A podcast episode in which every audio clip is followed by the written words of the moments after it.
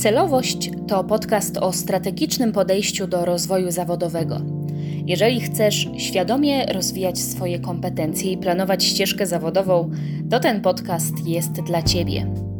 Wierzę, że nad rozwojem zawodowym warto pracować regularnie, po to, żeby na co dzień podejmować lepsze decyzje i dostrzegać możliwości, które się pojawiają. Ja nazywam się Anna Łyszczek-Majewska. Ten podcast nie jest pomysłem, który nagle przyszedł mi do głowy. Muszę przyznać, że dojrzewał dosyć długo, a impulsem do niego była powtarzająca się potrzeba, którą obserwowałam w czasie ponad 180 tygodni rozmów radiowych pod parasolem mojej autorskiej idei Młodzi mogą więcej. To potrzeba sprawczości, chęć wpływu na to, jak będzie wyglądała tak duża część naszego życia, jaką jest sfera zawodowa. Tworząc ten podcast, chcę połączyć dwie perspektywy: doradztwo zawodowe i strategię.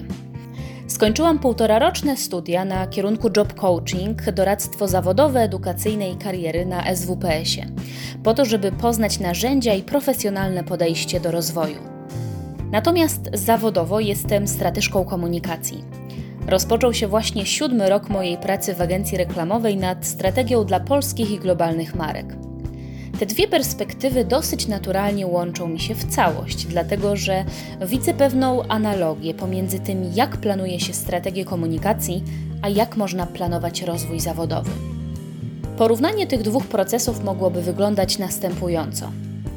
Zaczynając od planowania komunikacji żeby podjąć strategiczną decyzję, często dotyczącą wielomilionowych kampanii reklamowych, a tym samym przejść z punktu A do punktu B, osiągając zamierzony cel, trzeba zdobyć wiele danych, wyciągnąć wnioski i dodać do tego trochę intuicji.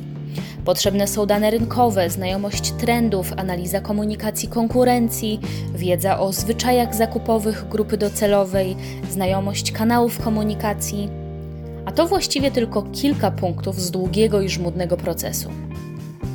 Dla kontrastu zastanówmy się, jak podejmujemy decyzje zawodowe. Na podstawie jakich danych? Na podstawie impulsu, dobrej rady, czy kiedy ktoś nas zdenerwuje w pracy? Większość porad zawodowych dostajemy na etapie wyboru studiów to wtedy czasami mamy możliwość konsultacji z doradcą zawodowym, który zrobi nam test kompetencji i podpowie, jaki profil studiów może być dla nas bardziej korzystny.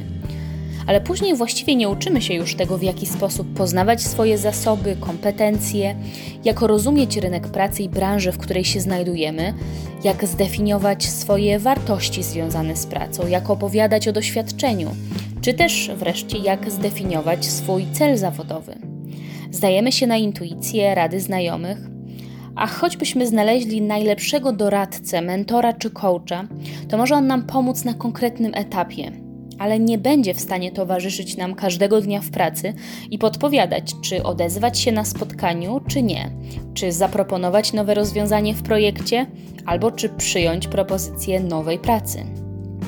Dlatego moim zdaniem tak ważne jest, żeby budować sobie własny magazyn wiedzy i narzędzi, które pomogą wprowadzić celowość do naszego życia zawodowego i wreszcie pomogą nam podejmować lepsze decyzje w tym obszarze. Są ludzie, którzy wierzą, że w życiu zawodowym liczy się szczęście i czekają na nie.